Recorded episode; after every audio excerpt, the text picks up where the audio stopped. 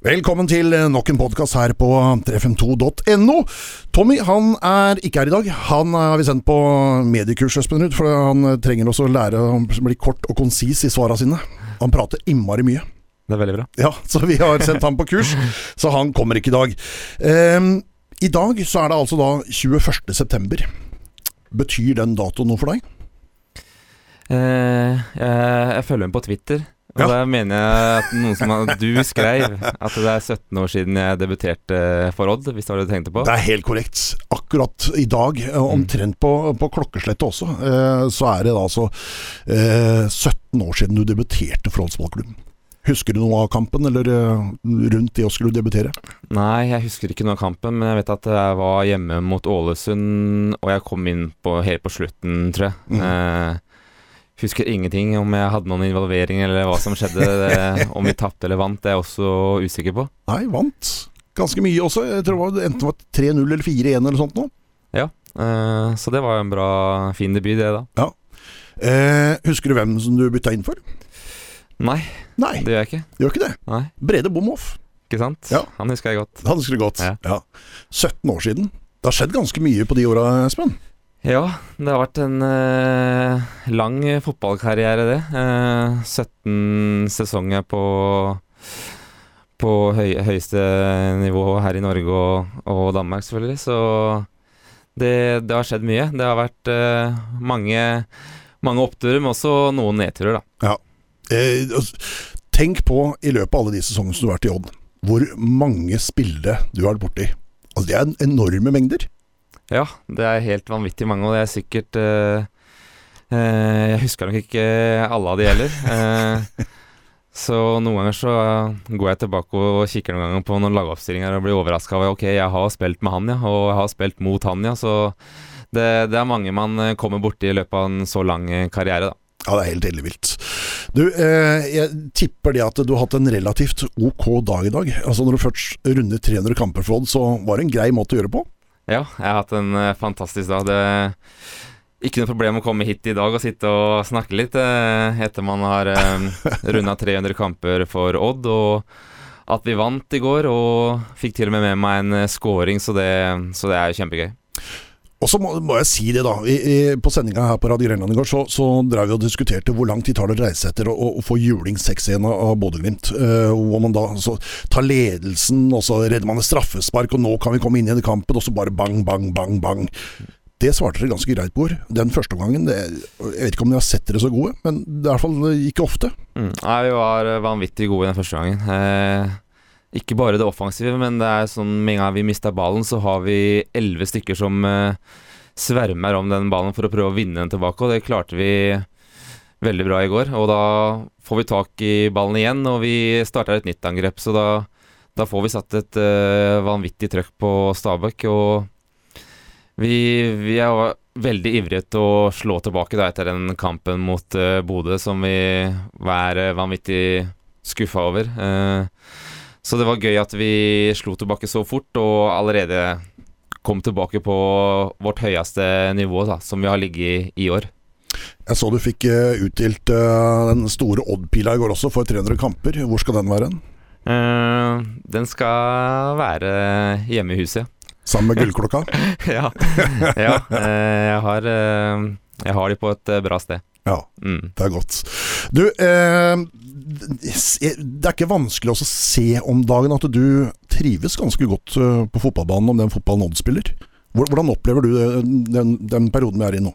Um, først og fremst så er vi en fantastisk gjeng på på, på Odd nå. Vi er liksom vi er, Jeg vet ikke hvor mange vi er i troppen. Vi er 4-25 mann, faktisk, som eh, Som alle er sultne. Vi er mange unge gutter. De er sultne, de vil vise seg fram. De vil Ja, de vil, de vil oppnå noe. Så sånn som det er nå, så er det vanvittig gøy å spille fotball. Og få lov til å være med ja, meg og meg og Hagen, som er i klart eh, to eldste her nå, så at vi får lov til å være med de unge guttene her nå. Og Kan ta Nordkveld også, han også har alderen Også Nordkveld har altså alderen inne. ja. ja.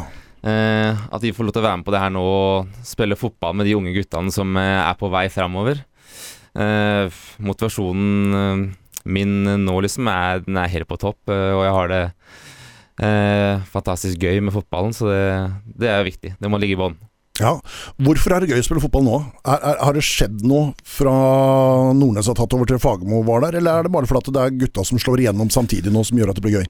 Mm, ja, det har jo vært bare en Det har vært en endring, da. Vi har fått en ny sjef. Vi har fått en annerledes sjef. Uh, bare det kanskje hjelper, ikke sant? Uh, og vi Vi har fått en uh, en gjeng som har, har, lyst til å oppnå noe her nå.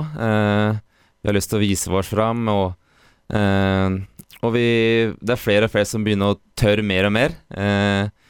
Vi begynner å bli kreative og utforske litt forskjellige ting, da, som rom og hvor vi spiller pasninger. Og vi utforsker kanskje litt mer da enn det vi kanskje har gjort i de siste åra med Odd. Ja, er det fordi at dere får lov av Nordnes, eller er det fordi at Hva, hva er årsaken her? Er det bare fordi dere får finne ut noe sjøl? Ja, han har vært flink til å mane det fram da, og si at eh, dere, dere, ser best ut på banen der. Eh, dere er kloke fotballspillere. Dere, dere, ser løsninger bedre enn det kanskje jeg gjør fra sidelinja. Um, det har vi tatt eh, til oss, da. Um, og da prøver vi. vi. Vi slår selvfølgelig, vi feiler, og, men vi prøver igjen. Og så har vi alltid det båndet at vi må, vi må, jobbe hardt for hverandre. Eh, ingen får lov til å sluntre noe unna her. Så den harde, jobba, harde jobbinga må alltid ligge i bånn nå, da. For, det, for det, det, er jo noen endringer, hvis du begynner å gå litt i dybden på det som skjer hos dere nå. Eh, vi ser at eh, ofte nå så, så, får dere bekkene lov til å stå litt høyere. Eh, vinner ballen høyere i banen. kortere vei til motstanderens mål. vi ser at du har begynt å trekke litt innover sentralt i banen også noen ganger, Espen. Altså, det er jo ting som skjer her. Ja, vi vi prøver å rotere litt, egentlig. Eh, hvis du ser for deg meg som høyre, eh, Kitolane høyre indreløper og han Lunding høyre kant, så, så, vet vi på en måte hvem området vi skal dekke. Eh, så jeg har ikke like mye å si om det er jeg som alltid står bak. på en måte. Hvis jeg går høyt i banen, så går kanskje Kitolano litt ned og tar min plass. Så vi roterer litt mer sånn. Eh, samtidig så roterer de på midtbanen nå, f.eks. Kitolano, Hoff og Kaasa roterer de også sammen, og da blir det når vi holder på sånn, så, så, skaper vi plass til hverandre og rom for hverandre, og det blir vanskelig for eh, motstanderen å plukke oss opp, da. Ja, det blir vanskeligere for motstanderen å plukke opp, men, men er det ikke noe med det også å vite hvem som er hvor til enhver tid, altså de relasjonene også, da? Eller eh, er det bare en fordel at man har vanskeligere for motstanderen? Mm, nei, selvfølgelig er det fordel å vite hvor vi har hverandre. Eh, vi begynner jo å få gode relasjoner, og det har vi fått gjennom nå at vi har spilt bra fotball. Eh, vi ja, vi kjenner hverandre veldig godt nå. Eh, vi har spilt med det samme laget egentlig nå de siste åtte kampene. Er vel helt det samme laget fra start. Så det er klart da, når vi klarer å opprettholde den kontinuiteten, da, så, så blir det bedre og bedre. Ja, jeg, jeg ser den. Eh, men, men Kontinuitet, jo, én ting det er bra, eh, men, men allikevel så jeg har, aldri, altså jeg har, aldri, sett dere gå på banen og kan vinne med fem og seks mål i uh, en sesong. Så, så, det er jo noe som har skjedd. Altså, det er noen knapper som er trykka på. Mm, ja, eh... I forhold til Fagermo. Ikke for å legge han noe dårlig lys på Fagermo, men, men, han uh, har jo ikke bare positive sider, han heller.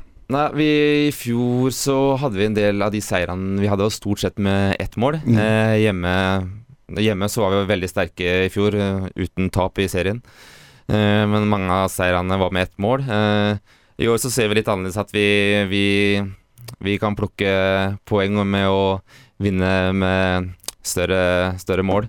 Her var, ja, større siffer. Større siffer. Større siffer. Ja, ja. Mm. Det er selvfølgelig spennende. Det er det vanskeligste i fotball er å, å skåre mål. Det, det, har vi syns jeg vi har utvikla. Nå kjenner jeg ikke helt til statistikken hvor mange mål vi har, har skåret, egentlig, i forhold til hva vi har gjort de foregående åra. Men uh, vi har i hvert fall hatt noen større seire i år, da, på både 5-0 og 6-1 og sånn, så det, det er positivt. Mm. Ja, det, det, er jo. Eh, og så er det jo spesielt da at dere er eh, aldri mindre enn tre stykker fra Heistad samtidig på banen. Det er fast. ja. Var... Litt spesielt for deg som Heistad-gutt eller? Ja, eh, vi er jo glad i alle de fra Heistad, så da er det enda gøyere å få lov til å spille på Odd eh, med gutta fra Heistad. Så det, jeg har en ved siden av meg og en litt lenger fra, eh, Bjørtoft og Kåsa, så da, det er selvfølgelig gøy. Ja, og, og så, så, fort det forsvinner igjen eh, fra Heistad, altså, mm, så kommer en ny inn. Eh, sånn har det vært noe ganske lenge. med Snorre ble borte, så kom det en ny inn. Og så Bergan borte nå, så kommer det en ny inn. Altså, det, alltid tre. Ja, det, det gror på Heistad, og det, det har det gjort lenge. Så det er jo gøy at de er så flinke til å få fram eh, gutter som tar eh, steget hele veien opp. Ja, absolutt. Og det kommer flere. Det kommer flere.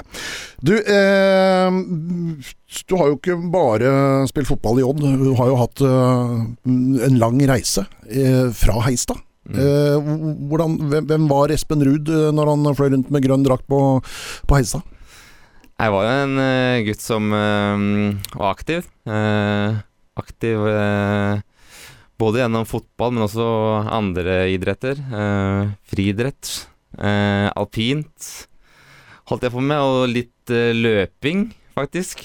Jeg husker jeg var med litt på løp litt rundt omkring, så jeg var allsidig. Um, og elska å være i Elska å være i aktivitet. Så den uh, tida, barndomstida fra Heistad, den har jeg bare gode minner fra. Er det litt derfor du som 36-åring mm, springer rundt guttene på 20 der ennå også? Fordi du har allsidigheten og får lite skader? Ja, jeg tror det har hjulpet meg. da At jeg, jeg har vært uh, allsidig og alltid tålt uh, mye trening. Uh, og har sluppet unna de store skadene. Så jeg har alltid fått trent mye og utforska meg sjøl både gjennom andre idretter også, da.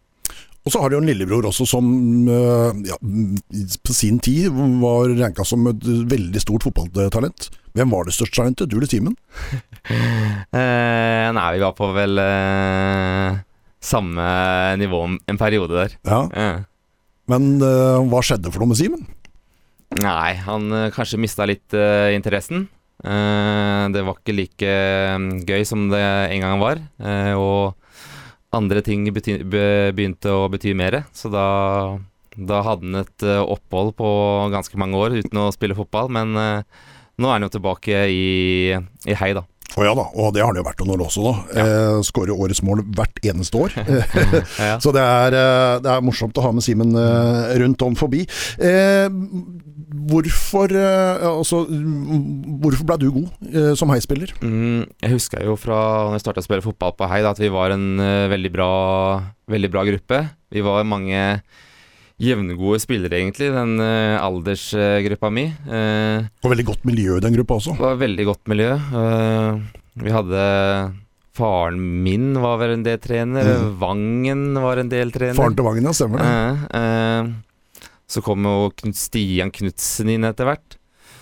Men først og fremst det at vi har det nivået Det var ganske ålreit nivå, egentlig, på, på laget vårt. Vi, det var flere som klarte seg veldig bra. og vi Eh, det tror jeg har vært veldig viktig for meg. Og så har jeg fått lov til å utfordre meg sjøl litt òg. har satt opp et hakk eller to etter hvert som jeg ble guttespiller og kanskje eh, ja, fikk lov til å være med litt på A-laget. Tror jeg så vidt var innom lite grann. Og kjente litt på det og møte litt uh, mer robuste gutter uh, en periode der hvor, uh, hvor jeg ble litt eldre. For du var jo tynt lite beinrangel, egentlig? Ikke sant. Eh, det var mye armer og bein? Ja, eh, man var det. Så det tror jeg helt sikkert hadde godt av. Å få utfordra meg litt eh, fysisk når man, eh, når man, er i den alderen. Ja. Eh, også, også, når, når, merker du at hei, er ikke stort nok lenger, jeg må videre. Hva, hva skjer der i den prosessen?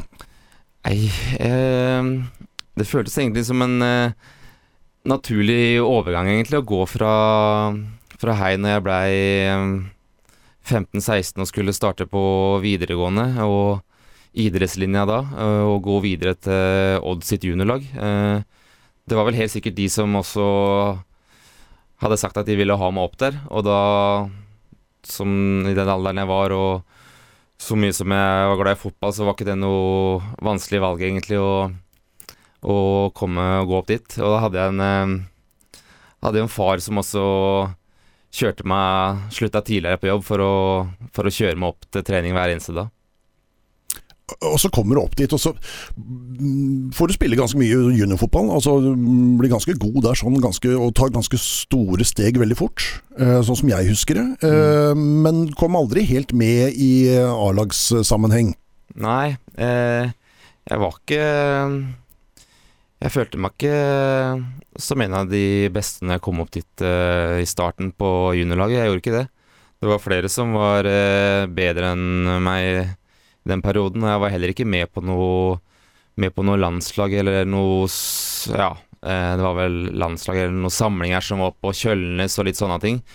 Som jeg ikke var med på. Som jeg husker det var eh, andre som kom med på istedenfor meg. Mm.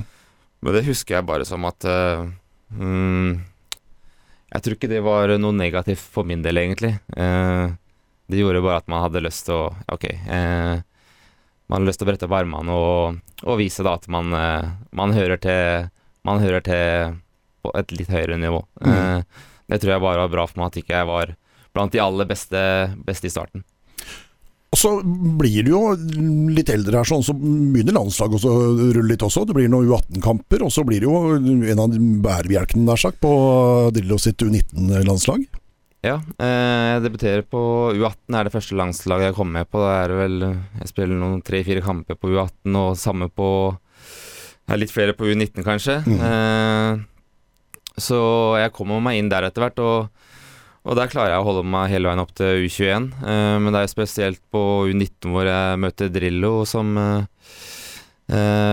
betaler seg kanskje ved en seinere anledning også. Så det er jo veldig ålreit. Men jeg husker jo godt at det ikke jeg Vi kom jo til EM med U19 eh, med Drillo. Eh, da jeg dessverre ikke kunne være med pga. jeg fikk eh, kyssesyken. Så det var, den var tung å svelge. Den husker jeg den fikk den beskjeden av Ola Stamnes, legen vår oppe Odd, at eh, jeg hadde fått kyssesyken og ikke kunne være med. Så det, det, var, det var kanskje det, den største første nedturen i fotballkarriere. Ja, for den er litt tung.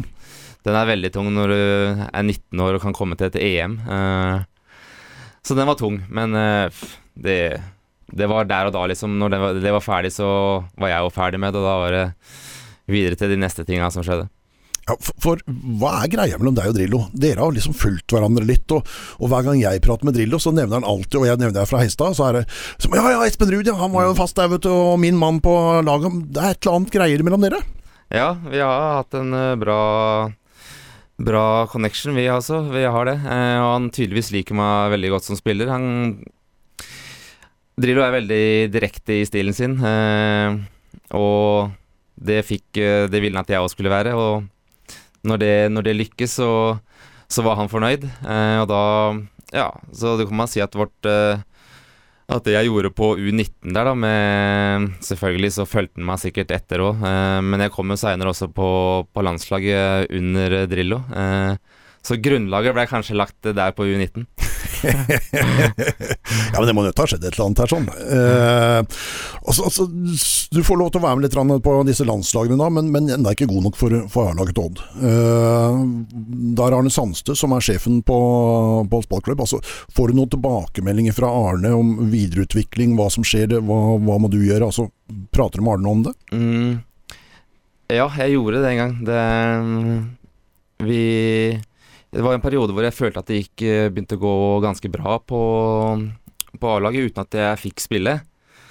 Og da, da som spiller da, så blir man frustrert, da. Eh, så da husker jeg faktisk sånn min Sånn den beskjedne gutten jeg egentlig alltid har vært, så, så ringte jeg faktisk til, til Arne Sandstø og sa at jeg mente at jeg sjøl burde spille.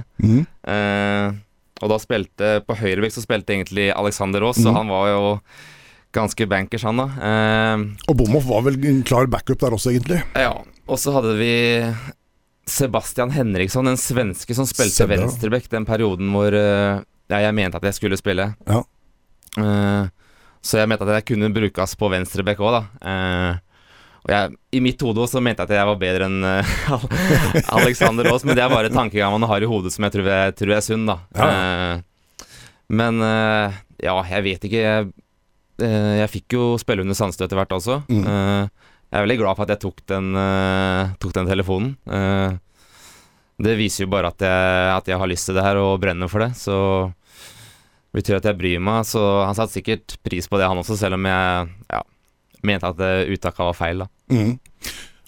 Og så kommer 2002, som du da mm, rett og slett drar til Pors, eh, tar et skritt ned for å bli lånt ut for å få spilletid.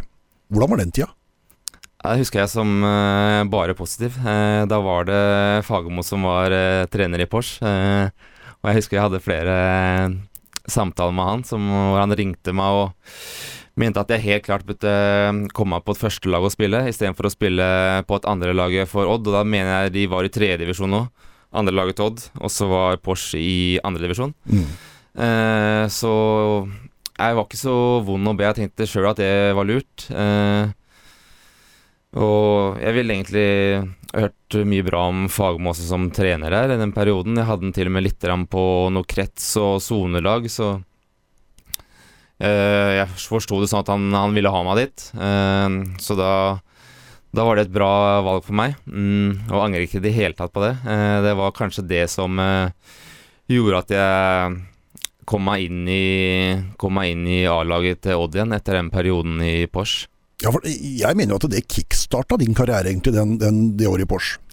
Mm. Ja, jeg fikk eh, Det gikk veldig bra. Jeg spilte høyreback da, der. Eh, og fikk eh, en del eh, medieomtale, husker jeg, og det gikk veldig bra. Og bra karakterer i avisa og mm, sånne ting. Eh, fikk mye skryt, så det, det selvfølgelig bygde meg eh, som spiller, det. Eh, til at jeg kanskje var enda mer robust når jeg skulle tilbake til Odd, da. Mm.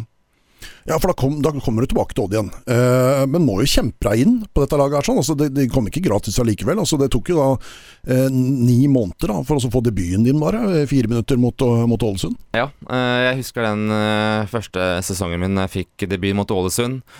Og så kom jeg inn eh, andre gangen mot, mot, borte mot Lillestrøm litt seinere.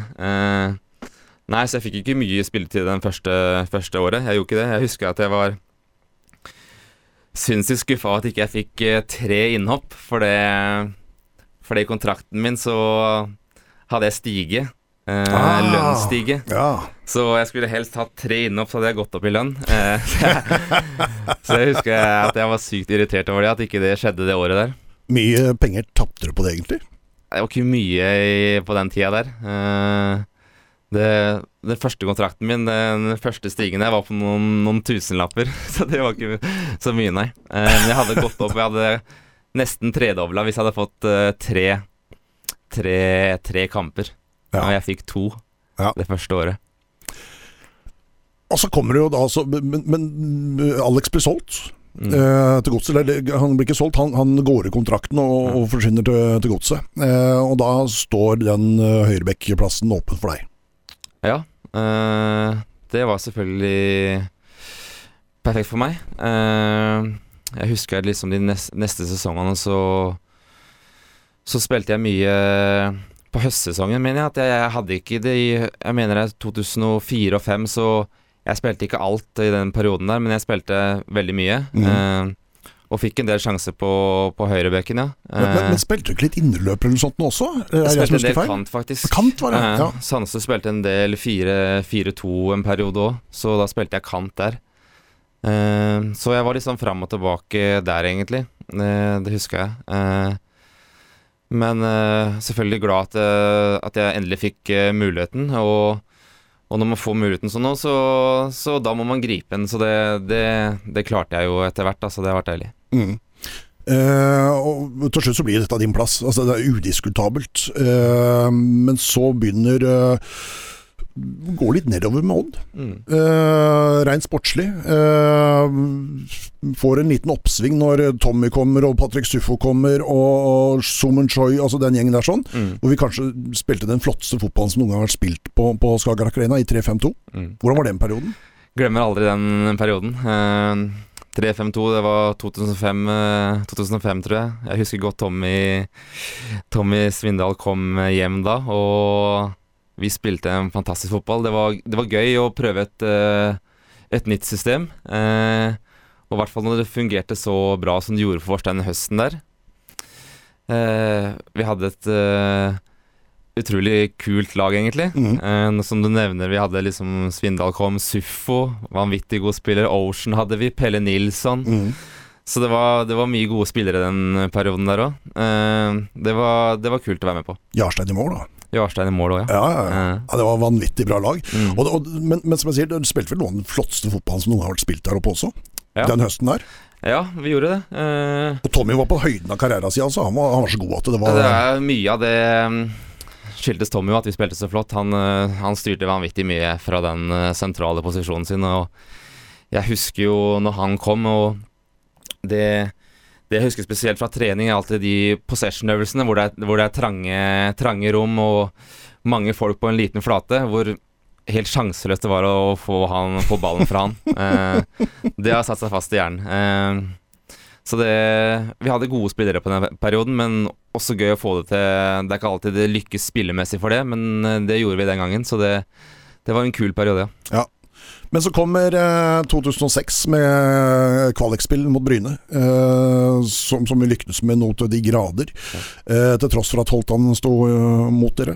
Eh, men det var egentlig bare starten på nedturen. Ja, det var det. Eh, det var det. Vi sleit både i 2006 der, eh, med kvalik, og endte opp med kvalik i 2007 òg, mot Bodø-Glimt. Mm, det var litt eh, tung periode de, de åra der, egentlig. Vi, da Veide Sandstad de fikk sparken, og det kom inn han danske Flintbjerg sammen med Våge kom inn, og ja, det var en tung periode. Eh, selv om de klarte seg bra. De, vi fikk jo oss på kvalik, vi lå vel ganske Ja. egentlig sist, nesten, i den 2007 der. Ja. Så kom vi oss opp på kvalik, da, uten at vi Ja, vi, vi var ikke bra nok den uh, tida der til å dessverre klare å holde oss oppe, så Sånn, eh, Da måtte vi ned i, i Obos-ligaen en tur, men sånn sett i ettertid så er jeg ikke sikkert det har vært så, vært så dumt for Odd heller. Nei da. Eh, den kvalifiseringa i 2007 da gikk det noen voldsomme rykter på at uh, det var en haug med deres spillere, altså jeg, jeg bør ikke nevne noen navn eller sånt nå, eh, som, som havna på byen uh, kvelden før den hjemmekampen. Mot Bodø-Glimt. Ja, Ja, det kom overraskende på meg òg. ok. Ja. da har ikke jeg fått det med meg. Jeg, vet, jeg er ung gutt, jeg vet Ja, ja, ikke med meg hva var de, ganske hva de voksne guttene Nei, driver nei, nei. nei du, du var jo ung gutt på den tida der, sånn. Ja. Eh, mm, ok, eh, så da har ikke du noe mer info om å komme på, på det? Nei, dessverre. greit. Eh, mm, jeg skal ta det med Ove Flintbjørn neste gang jeg har han inn i studio her, sånn, for da skal jeg ha en prat med han også. Eh, men men det, var jo, det var jo en del som jobba mot Ove Flintbjørn faktisk i spillergruppa. Eh, jeg prata med Espen Isaksen om det etterpå, og han var jo en av de som virkelig sto på barrikadene og syntes at det Ove holdt på med var helt huet. Ja.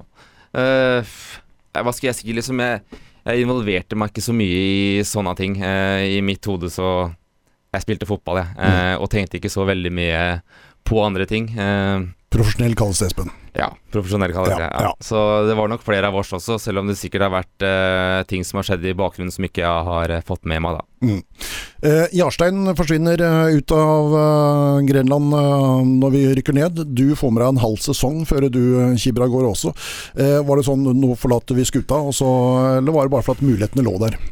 Ja, jeg var jo skuffa over at jeg hadde rykka ned, må jeg ærlig innrømme det, liksom. Og jeg, var ikke veldig Jeg hadde ikke veldig lyst til å, å spille i Obos-ligaen, jeg må innrømme det. Eh, Jeg var litt i skorpa til landslaget den eh, perioden der òg, egentlig.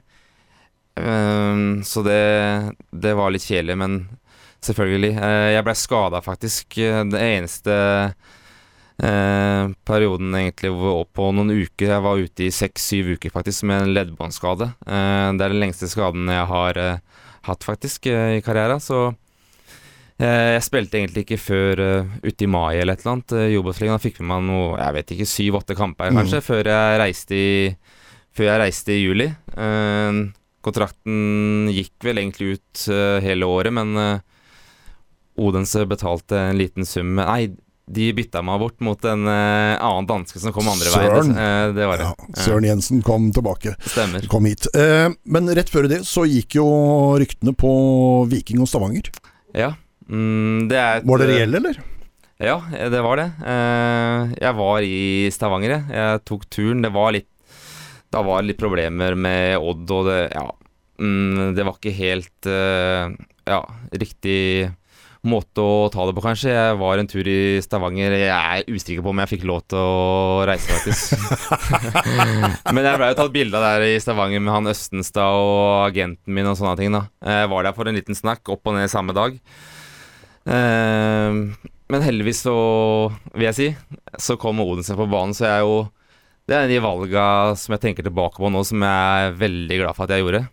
Mm, og ikke gikk til Viking. Eh, den perioden der, eh, og heller kom meg ut av landet for, eh, for eh, Odense. Så det, det, det, var helt riktig valg for meg, og glad at jeg slapp ikke trengte å møte Odd i Eliteserien. Ja, og, og, du reiser til Danmark. Hva, hva, slags følelse hadde du når du kom ned altså, En av de største klubbene i, i Danmark. Hva slags følelse hadde du når du kom ned dit? Uh, jeg var litt uh, usikker på hva de egentlig hadde tenkt meg. Jeg kom jo fra førstedivisjon, da. Og jeg så jo på stallen deres før jeg reiste skreiv under, og jeg ser at de har en som heter Thomas Helvig, som er høyre høyrebekken der nede. Og han er jo en rutinert kar som har spilt i mange store klubber, ikke minst Milan. Mm.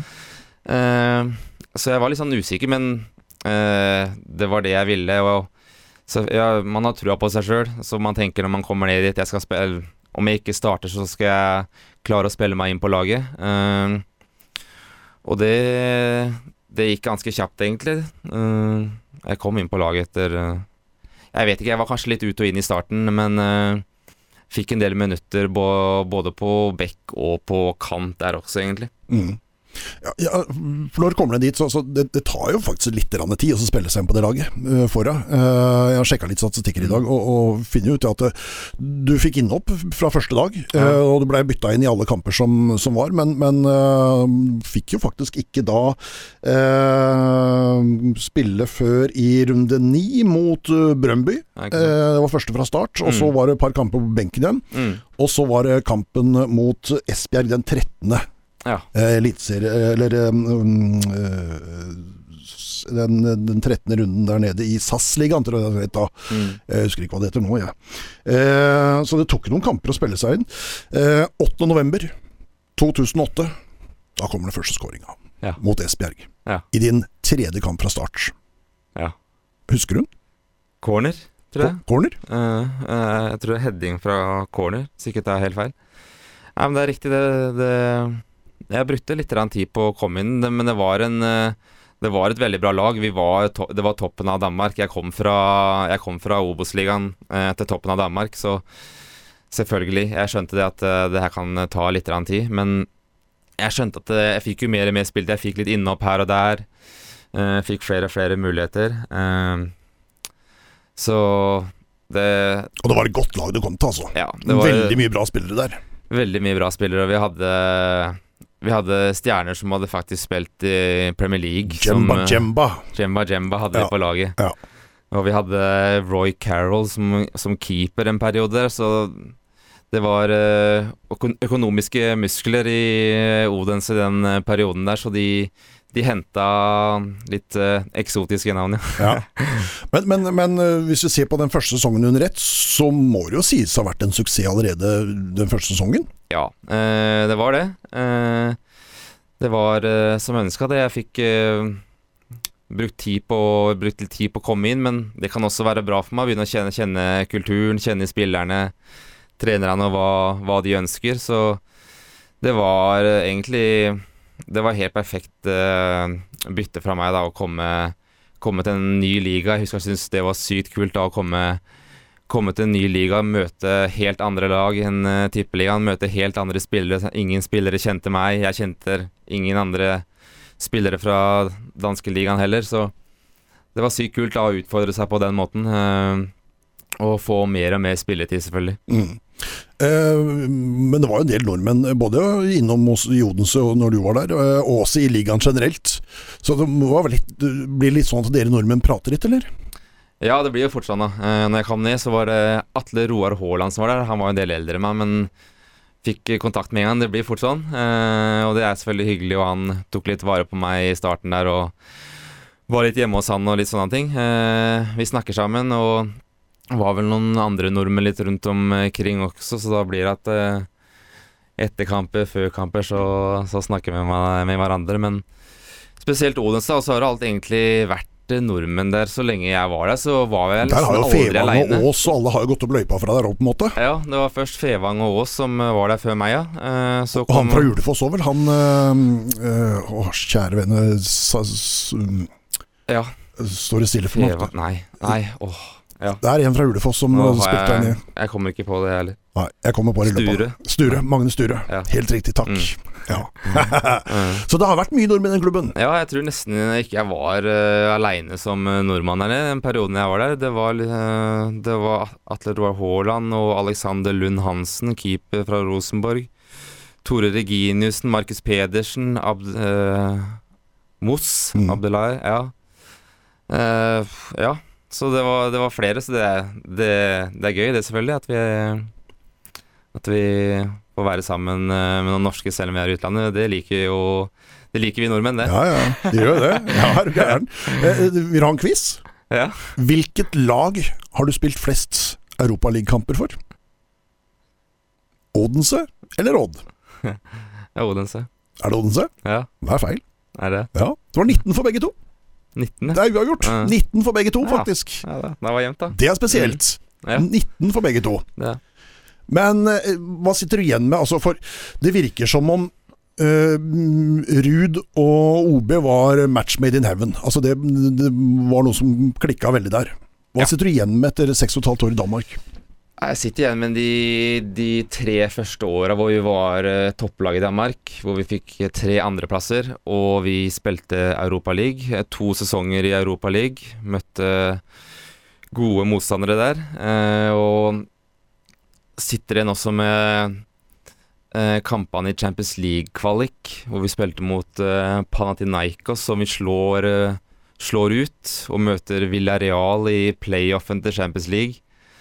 Så da fikk jeg faktisk høre Champions League-hymnen faktisk hjemme mot uh, Villarreal. Da ble den spilt. Uh, vi vinner 1-0 hjemme. Uh, ganske overraskende, det. Men å holde til 0-0 til pause der nede Taper dessverre 3-0 eh, til slutt, så de var et, det var et bedre lag enn vårt. Men allikevel så nære på å komme i Champions League. Tenk for opplevelse det hadde vært, da. Det hadde vært en opplevelse. Seks kamper i Champions League der. Ja, Det hadde vært ja, noe. Ja, vet, det hadde vært noe. Ja. Eh, hvordan var eh, lønnsnivået sånn da? Er det sånn at du har fått spart av penger og kunne cashe ut litt hus og sånn her hjemme, eller?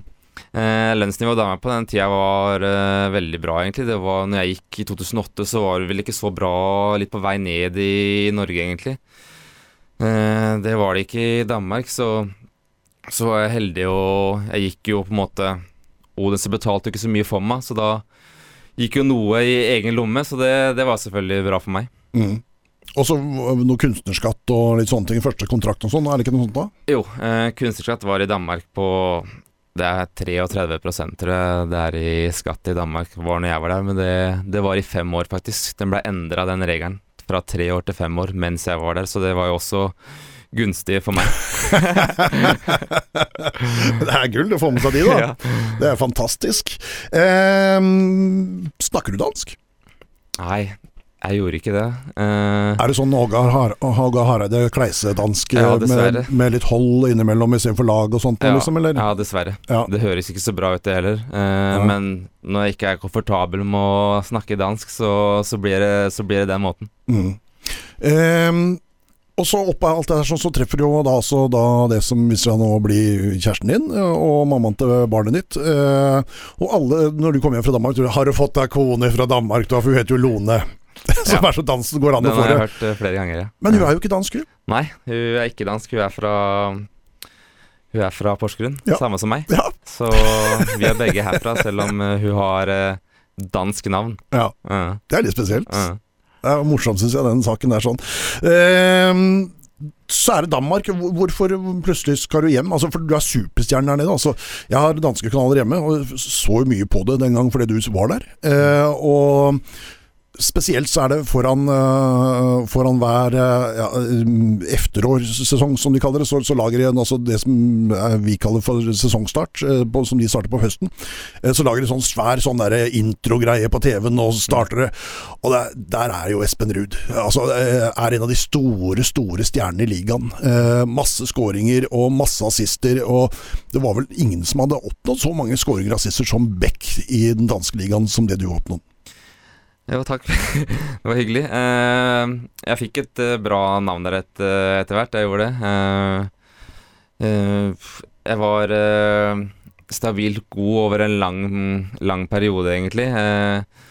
Båndnivået mitt var liksom aldri Det var ikke, det var ikke lavt. Det var, det var jeg, jeg spilte Spilte mange bra kamper også, men stabiliteten kanskje over, over så lang tid da gjorde at jeg Fikk et eh, bra navn eh, nede i Danmark, eh, og det er jeg selvfølgelig glad for. Men etter hvert som åra gikk, og jeg hadde vært der i fem-seks år, så, så, begynte jo vi i Odense der å begynne å Vi gjorde det dårligere. Vi havna jo mot nedrykkstrekkene etter hvert, vi også, så det var ikke like, like gøy å være der. Og jeg jakta jo egentlig mm, klubba kanskje enda litt lenger sørover den perioden der, men det det lykkes jo dessverre ikke, da. Eh, Men det var noe greier der? Ja, jeg vet ikke hvor mye greier det var. Uh, agentene de, de, kan slenge ut uh, liten klubber her og der. Og Men nå er det så lenge siden, så nå kan du fortelle om det. Ja, nei. Uh, jeg vet at det var noe fra Nederland. Uh, litt fra championship, og det var egentlig veldig, jeg hadde hatt veldig lyst til å prøve meg i championship. Det syns mm. jeg var kult. Mm. men det blei ble ikke noe, da. Og det var uh, fra var... Malmö egentlig også. Ja. Og den tenkte jeg litt på i ettertid, egentlig, den uh, Malmö-casen. For da var Hareide trener der. Og de ville hente meg. Um, og, men jeg, det var litt tidlig på sommeren der, så jeg takka, takka nei. I påvente av å håpe på noe, håpe på noe enda bedre. Mm. det kom ikke. Og Malmö endte jo opp med å komme seg inn i Champions, I League de, ja. uh, den sesongen der. Etter, ja. uh, så det, den har jeg litt tenkt på i ettertid, men uh, sånn er fotballen en ganger. det skjer. Ja, for det er det der englandsryktene som jeg hørte mest om der. Mm. Men, men, jeg hørte faktisk også noen rykter om Westham, ja da. Men det, kanskje de var i Championship, da? Ja, nei, det var noen engelske navn Premier League som blei nevnt også, uten at jeg Jeg vet ikke hvor reelt det var. Ok hvor, hvor, lite får du greie på sånne rykter som det, altså med agenter og sånne ting? Nei, jeg får greie på noe når det er noe som nærmer seg, egentlig. Jeg vet ikke hvor mye uh, han har sagt til meg. Uh, det er vanskelig å vite, egentlig. Jeg har ikke gravd så mye i det, egentlig, heller. Uh, jeg har prøvd liksom å holde hodet på fotballbanen. Profesjonell kalles det, Espen. Profesjonell kalles det, skjønner du. Eh, eh, til slutt, altså, så, så, er du ferdig i Danmark. Eh, hvordan var det å ta den avgjørelsen og vite at nå skal jeg hjem til Skien? Det var en litt rar periode, egentlig. For først så var jeg ferdig på sommeren der 2014. Da gikk kontrakten min ut med Odense, og da, det var da som jeg snakka om akkurat at jeg jakta andre klubber sørover eh, uten å lykkes. Og jeg ender jo opp med egentlig å skrive noen måneders kontrakt til med Odense. Og spille for de ut uh, eh, 2014-sesongen, da, men det er jo egentlig starten på sesongen i Danmark, da, mm. den høsten der. Ja. Uh, men egentlig fra sommeren av der så, så er jeg jevnlig i kontakt med de i Odd, da. Uh, Fagermo ringer meg mye, uh, vi snakker sammen. Jeg sier at jeg vil vente, og han ringer igjen en måned etterpå, jeg sier at jeg vil vente igjen. Sånn holdt det på egentlig hele den, det halvåret der, 2014. Uh, men så så ender jeg opp med å skrive noen måneder med Odense, da. Det var egentlig ikke Det var ikke noe jeg hadde lyst til. Det var egentlig en dårlig, dårlig periode, egentlig. Jeg, jeg, hadde ikke noe sted å bo, til og med. Jeg bodde på hotell. Eh, Såpass? Den høsten der bodde jeg på hotell. Det gikk så langt at jeg liksom Jeg ville bare spille fotball. Jeg hadde gått noen måneder uten å spille fotball, så jeg ville bare spille fotball igjen. Og da måtte jeg bo litt på hotell og litt i en leilighet som ikke hadde lyst til å være, så det var en litt kjedelig periode. Men så ordna det seg med med Odd um, inn mot uh, ja, november-desember der 2014, da. Uh, så blir vi enige om at jeg skal komme hjem. Uh, og når den avgjørelsen er tatt, og vi får den tanken inn i hodet, så, så, begynner jeg å glede meg til det. Så Og når du da kommer på stadion, jeg husker ikke hvilken kamp det var, ja, men så du blir liksom ut i midtsirkelen og annonsert der og greier, med det derre jubelropet som kommer da, Mm. Var ganske deilig. Ja, det var eh, Når jeg kjenner på og tenker på det nå, så var det vanvittig deilig å komme tilbake og, og føle seg ønska at, at folk er glade for at jeg har kommet eh, tilbake. Eh, og jeg kommer tilbake til en annen klubb òg, de hadde akkurat tatt tredjeplass. Og det var spennende ting på gang, så det, jeg gleder meg til starten på min andre periode i Odd. Ja. Eh, 197 kamper i eh, dansk eh, toppdivisjon, eh, pluss en haug med Europaliga og Dong Cup og hva Ja. heter alt det greiene der nede? Pokalen. Ja. Eh, altså Vi snakker nesten 250 kamper eh, i dansk fotball. Ja. Har du venner og sånn der enda, liksom? Er det liksom, har du forankring i Odense? Er det noe Ja, eh, forankringa til Danmark har vi hatt i et sommerhus som vi har hatt uh, Siden jeg flytta derfra, så har vi hatt et sommerhus i Danmark. Så vi Har du den, da?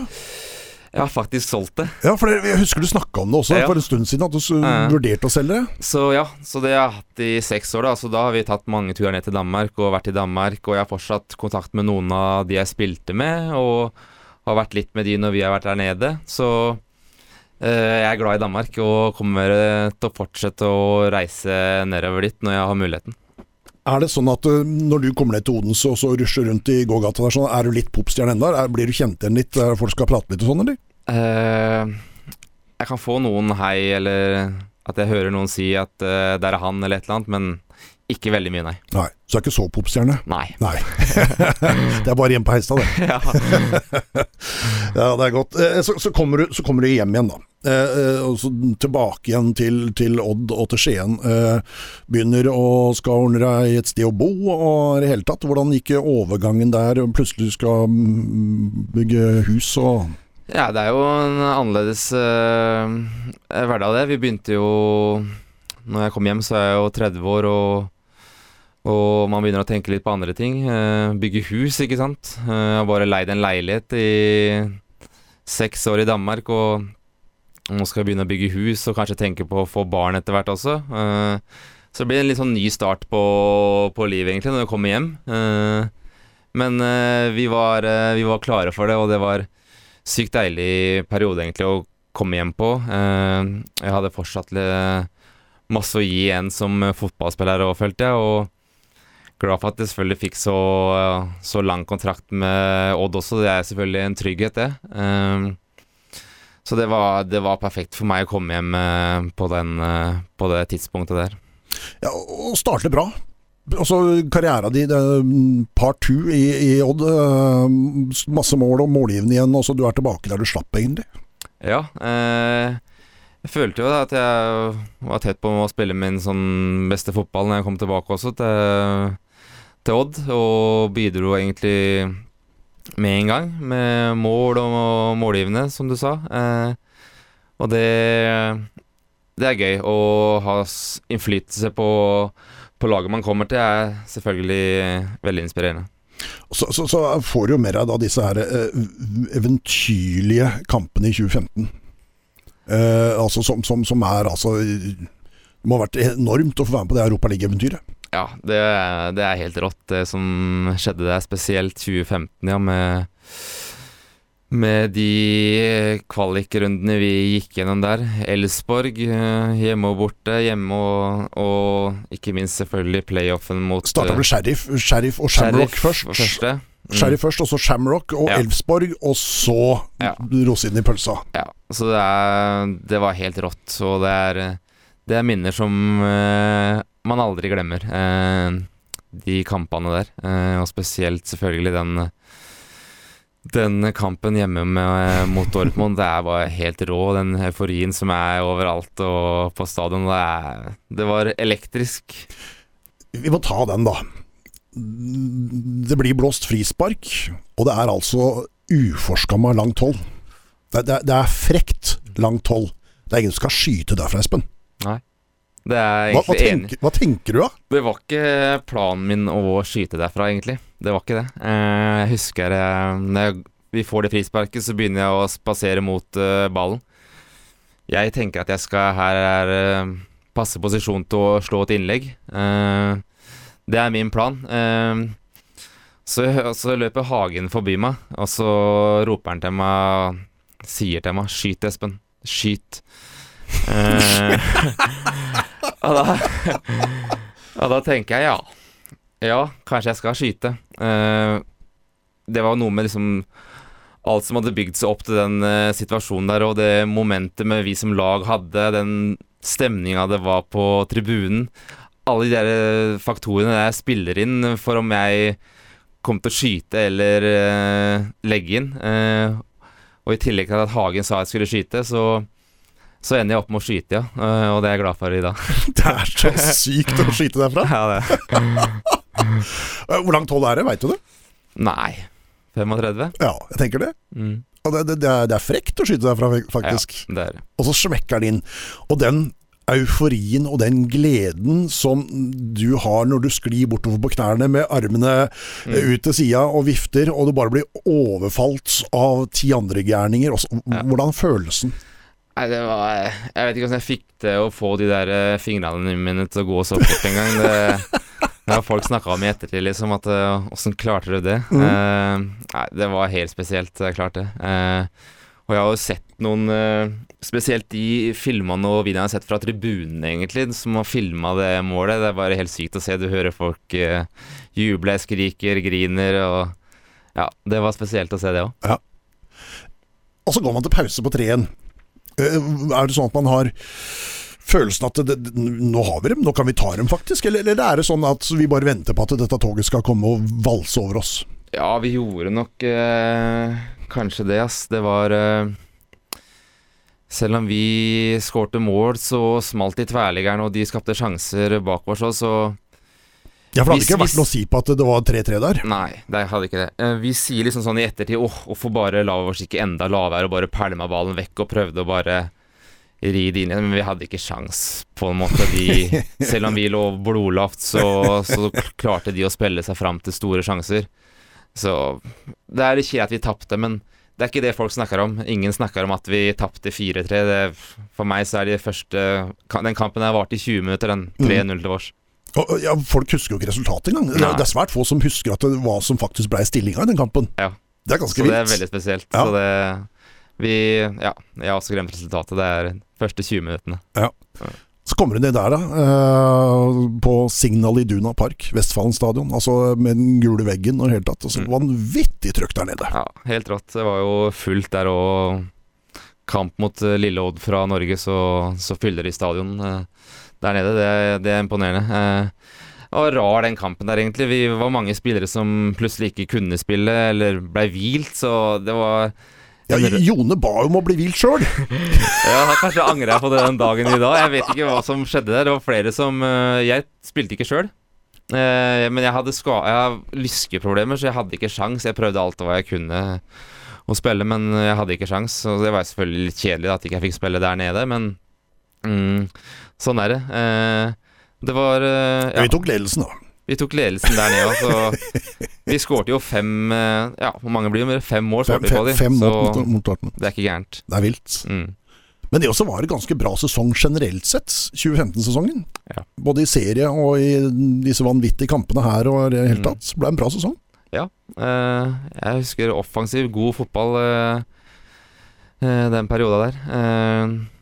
Masse mål. eh, så det, det var Det var Det gjorde at jeg, jeg følte at jeg gjorde helt riktig valg med å komme hjem til Odd igjen, og trivdes vanvittig godt eh, i byen egentlig fra, fra dag én. Når vi spesielt hjelper det veldig på når vi Når laget gjør det så bra, da. Og så har du altså Du har, vært, du har jo ikke båndnivå. Altså båndnivå, du sier at det, det er høyt hele tida, og det har det vært bestandig, Espen, siden du var guttunge. Eh, men 2017 så syns jeg kanskje at det har vært din svakeste sesong noensinne. Mm. Eh, da var det husbygging, og du ble pappa, og det var eh, med små unger hjemme. Eh, og jeg så deg ganske ofte ute på skateboard, fordi at du, du måtte sikkert ut og lufte huet litt eller et eller annet sånt noe. Kan det være noe der, eller? Ja, det, uten at jeg kanskje har villet innrømme det, liksom at det er det som er grunnen til at jeg ikke spilte like bra opp til min standard på en måte den 2017-sesongen, så, så var det jo Det var litt som skjedde da. Eh, livet jo, blir jo selvfølgelig annerledes når man får en eh, Kid inn i bildet òg. Eh, mye går til han, og man kan alltid bare legge seg rett på sofaen når man kommer hjem fra trening. Eh, så livet ble annerledes, men eh, eh, jeg vil jo gjerne håpe, og jeg håper og tror at det var til Det er selvfølgelig til det, det positive, og eh, har gjort at jeg Jeg vil jo si at det, det å at sånne, sånne ting i livet skjer, gjør at jeg har det bra på utsida, ikke sant. Og når du har det bra på utsida utsida av fotballbanen, så, så presterer man ofte bra på fotballbanen Og så man skal ikke kanskje legge altfor mye i det heller. Eh, det var jo en sesong eh, Kanskje ikke bare jeg som eh, sleit eh, den sesongen der. Var det den sesongen hvor vi skårte vanvittig med lite mål? Mm. At vi bare hadde 27 Ja, ja. mål på 30 kamper eller et Ja. eller annet. Ja. Eh, så det er jo egentlig ganske vilt. Og så endte vi på sjetteplass, tror jeg. Mm.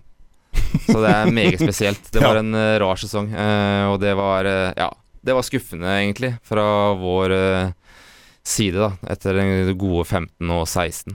Mm. 2018 så er det et eller annet rart som skjer, fordi at plutselig så er det ikke Espen Ruud som slår frispark lenger. Hva kom det av? Nei, det det mente jeg var feil den tida, perioden der, da. Mm, Men så gikk det noen rykter om at det var noen lyskegreier eller noe Ja, et Det var litt eh, et kommunikasjonsproblemer den perioden der. Det var noen lyskegreier i starten, hvor jeg hadde litt vondt. Uh, men det gikk ganske fort over, så eh, Uten at jeg fikk eh, ta noe frispark for det.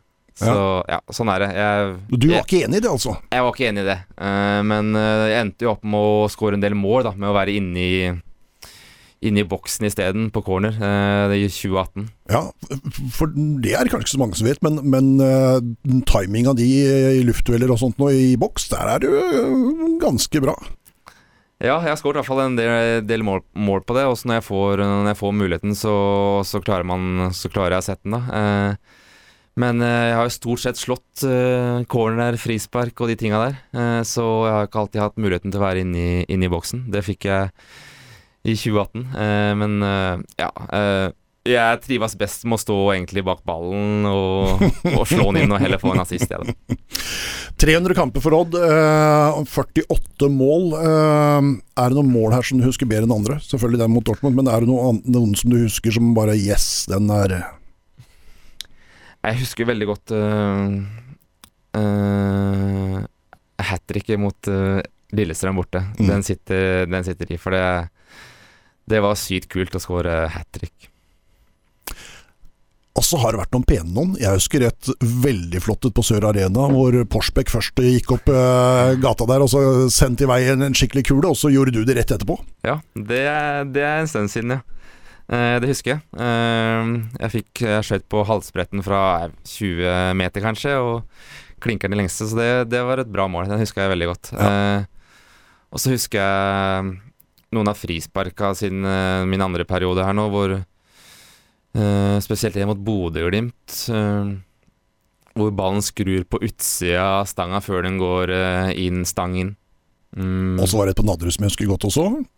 ja, Frispark. den, eh, den husker ikke jeg. Nei, det gjør jeg. og det sikra vel oss 1-1-kamp der, eh, poeng i 1-1-kamp, eller om det er 2-2, det husker jeg ikke helt hva det men det var i hvert fall griseviktig. Ja. Vi har prata om det, Espen. Det har vært mye mm, U-landskamper som du har fått med deg. Eh, totalt sett så har du fått med deg altså da, eh, som du sa, fire gutter 18-kamper. Du har fått eh, gutter 19, 13 U21, og så er det den store 35 kamper med flagget på brystet. Hvordan var det? Nei, det var uh, vanvittig stort å få oppleve å spille på landslaget. Jeg husker jo Jeg var med på en del samlinger uh, før jeg fikk debuten min, egentlig, så det Det, det var viktig å, å få den byen. Uh, jeg husker at jeg, jeg trakta etter det. Jeg var med mye, men ikke fikk spille, og da Det teller selvfølgelig, selvfølgelig ingenting. Så det var deilig å få debutere og få og fått såpass mange kamper da, på, på landslaget. Det er jeg stolt over. Ja, 35 stykker til 25. Da fikk du eh, gullklokke, som eh, du har med her i dag. Eh, Det er vel noe av det yachteste klokka jeg har sett. Ja. eh, Den er spesiell. Den er ikke Man må få lov til å si at det ikke, at det ikke er pent. Eh, sånn er det, men eh, det er et minne. Ja, det er et vinne. Eh, 35 landskamper debuterer eh, mot eh, Sveits der nede. i 1-0-seier for Norge eh, i november i 2009. Hva husker du fra debuten? Jeg husker at jeg hadde en, en sjanse til å score, for jeg kom inn som kant, men det eneste jeg husker, jeg tror jeg kom inn helt på slutten. Mm. bare noen minutter eller et eller annet. Eh, så husker jeg ikke så veldig mye.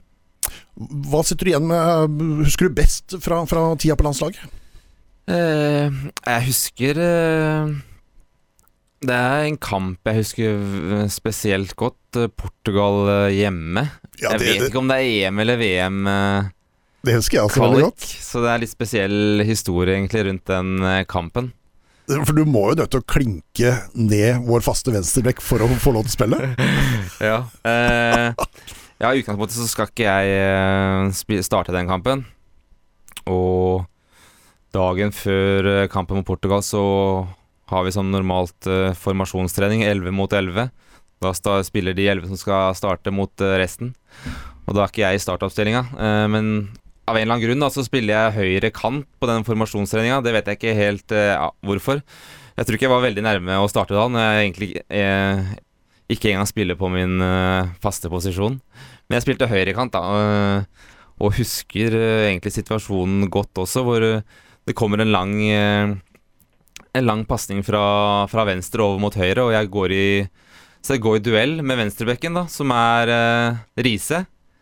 Uh, og husker at jeg vet ikke hvem som vinner duellen, men jeg husker at han, jeg treffer, han, treffer hodet sitt i skulderen min. Eller jeg treffer han, min skulder i hans hode, og han blir slått ut og besvimer der. Mm. Eh, og ender jo opp med at han må, han må reise på sykehuset, og han kan ikke spille dagen etter. Eh, og det da som skjer, er jo at eh, Ja, vi hadde ikke noen andre venstrebacker, tydeligvis, og da var det da var det jeg som fikk, fikk sjansen i den kampen. Jeg husker overskriften og alt rundt de greiene der sånn. Eh, og da sa du så kjekt Nei, jeg har eh, spilt en omgang som venstreback for eh, Odense, for vi hadde en skade en gang, så det kan jeg fikse. Liksom, det null Mm. problem. Eh, ja, det var spesielt at jeg skulle plutselig skade her eh, John Arne Riise, Arne ja, ja. og tar plassen hans, spiller mot Portugal, og vi vinner uh, 1-0. 1-0. Mm. Og du gjorde deg ikke vekk på den kampen som venstreback i hele tatt. Du var tvert imot ganske god. Ja, jeg husker den kampen veldig godt. Jeg husker at jeg spilte mot Nani, som spilte hadde sin beste periode i United, kanskje. Og Koresma spilte der. De bytta litt eh, kanter og rullerte litt. Så det, det, er, det er virkelig gode minner fra landslaget. det er fantastisk.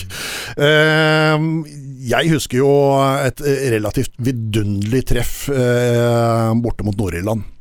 Hvor du kommer inn og egentlig snur kampen, for Norge var drittdårlig. Altså er det masse pauser, bytter i pausa, hvordan blant annet du kommer inn. Mm. Og så begynner ting å klikke og skje, og så eh, har vi egentlig vunnet kampen, men du bare fastsetter sluttresultatet med et vidunderlig treff til 3-1. Ja, det er kult at jeg fikk meg ett mål på, på landslaget på de 35 kampene. Så det Jeg husker det målet òg, at det var en Det var hel volley hvor jeg setter innsida av foten til, som uh, går mot uh, lengste stolpe og inn. Så det Jeg tror det var Det målet var til 4-1, egentlig. Uh, var det 4-1? Ja, kanskje var det. 3-1 eller 4-1. eh, Men det, det er kult å ha fått eh, ett et mål på landslaget. Ja, er du gæren? Det er det vel. Eh, men vi må jo være så ærlige, Espen Ruud, at det var ikke bare opptur med landslaget. Nei, eh, jeg vet hva du sikter til. Jeg vet jo det. Ja. Fortell.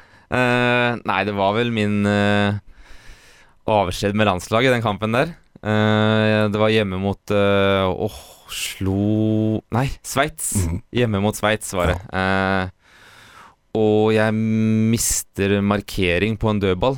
Uh, ja. Uh, og han jeg markerer, Fabian Scheer. Fabian Scheer, han uh, spiller enda faktisk i, I Newcastle, ja, Eh, så jeg har fulgt med han. Ja. Han spiller der nå, og ja, jeg mister markering på en dødball. Ok, uh, kommer meg videre fra det. Kommer en ny dødball. Mister dessverre markering på han en gang til. Eh, 2-0. Jeg tror vi taper 2-0, Mm. og det er det. Eh, og jeg føler selvfølgelig at Og det er Jeg føler at det er min Alt er min feil, ikke sant. Eh, er langt nede. Alle Alle medier, alle folk rundt, alle tilskuere, alt. Eh, Skyldte på Espen skyldte på meg. Ja. Eh, Så det var en tung periode. Og det at jeg eh, Jeg husker så godt at øh, med jeg kom inn i garderoben, så kom en pressesjef bort til meg og Og det er kanskje Si- det verste, syns jeg, mm. det som du skal fortelle nå. Mm. Ja, så kom en pressesjefen bort til meg og sier at øh, ja, han mener at jeg burde stelle meg ut foran alle journalistene og begynne å snakke med de øh, Snakke med de med en gang. Eh, det, var, det var tungt. Jeg gjør, jeg gjør det. Jeg står der, snakker, eh, men jeg er selvfølgelig helt eh, Og dønn rakrygga, mm. og du legger deg padde flat. Ja.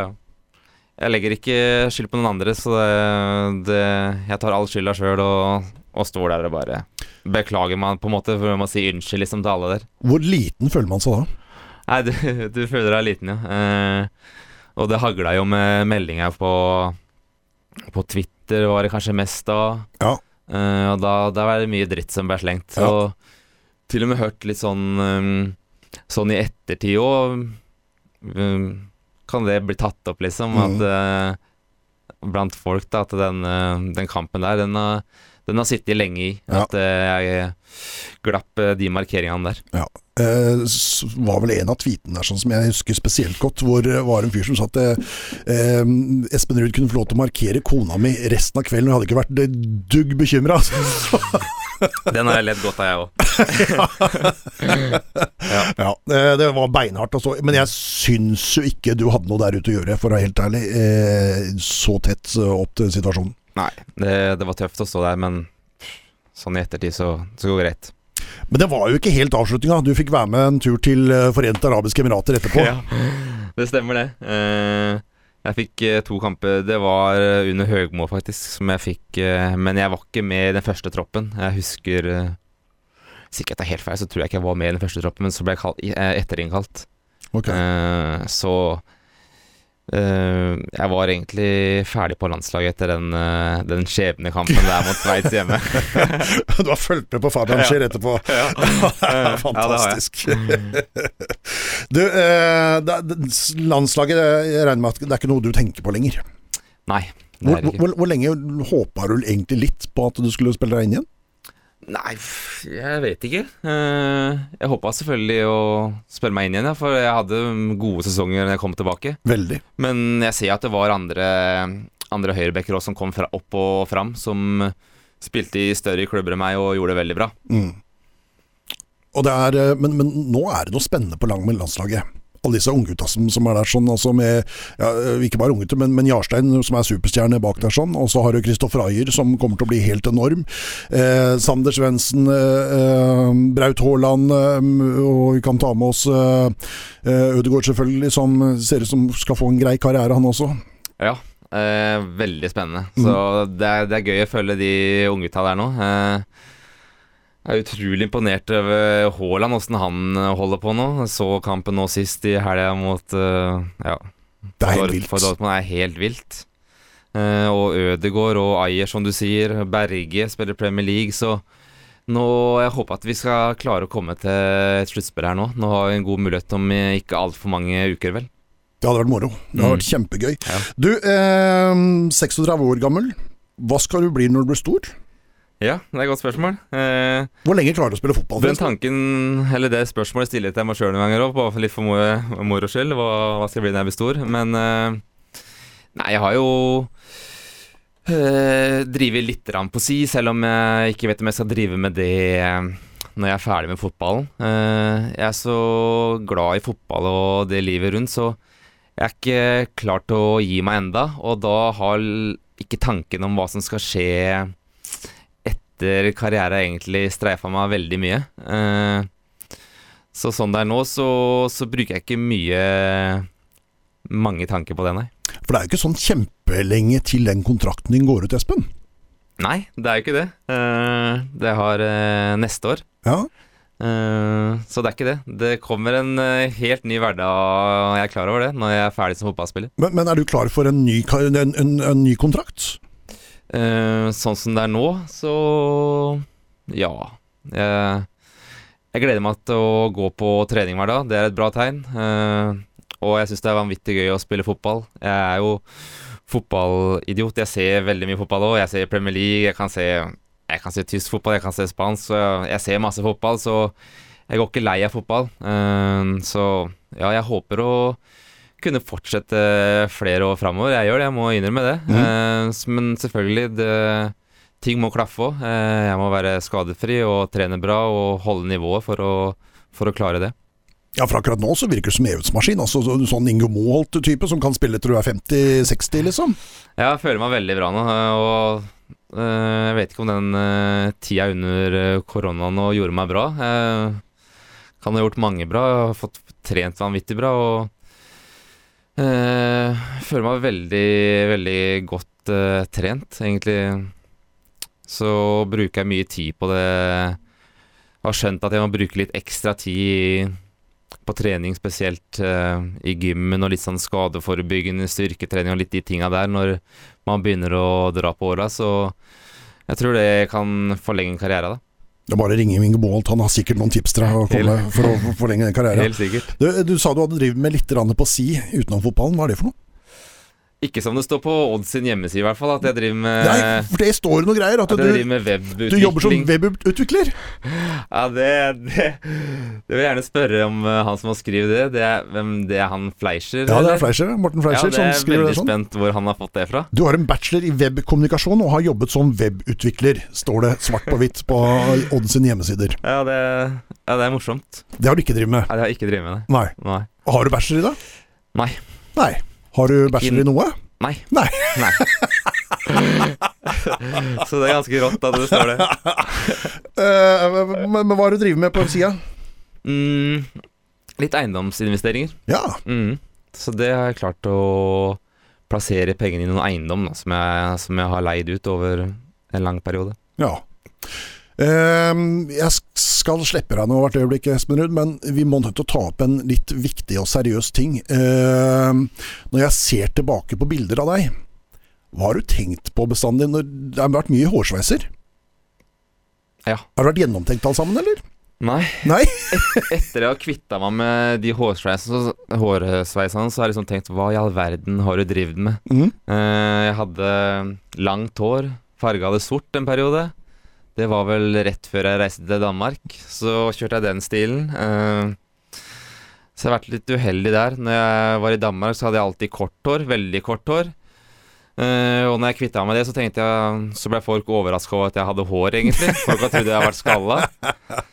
Så, men det er jeg jo ikke. Så ja. Mm, jeg er vel misfornøyd med det jeg har nå òg, når jeg legger om igjen. Vi får se da. Vi får se da. Men Jeg har sett så mye rare bilder av at det er helt sjukt. Det er helt vilt. Ja, det er vilt.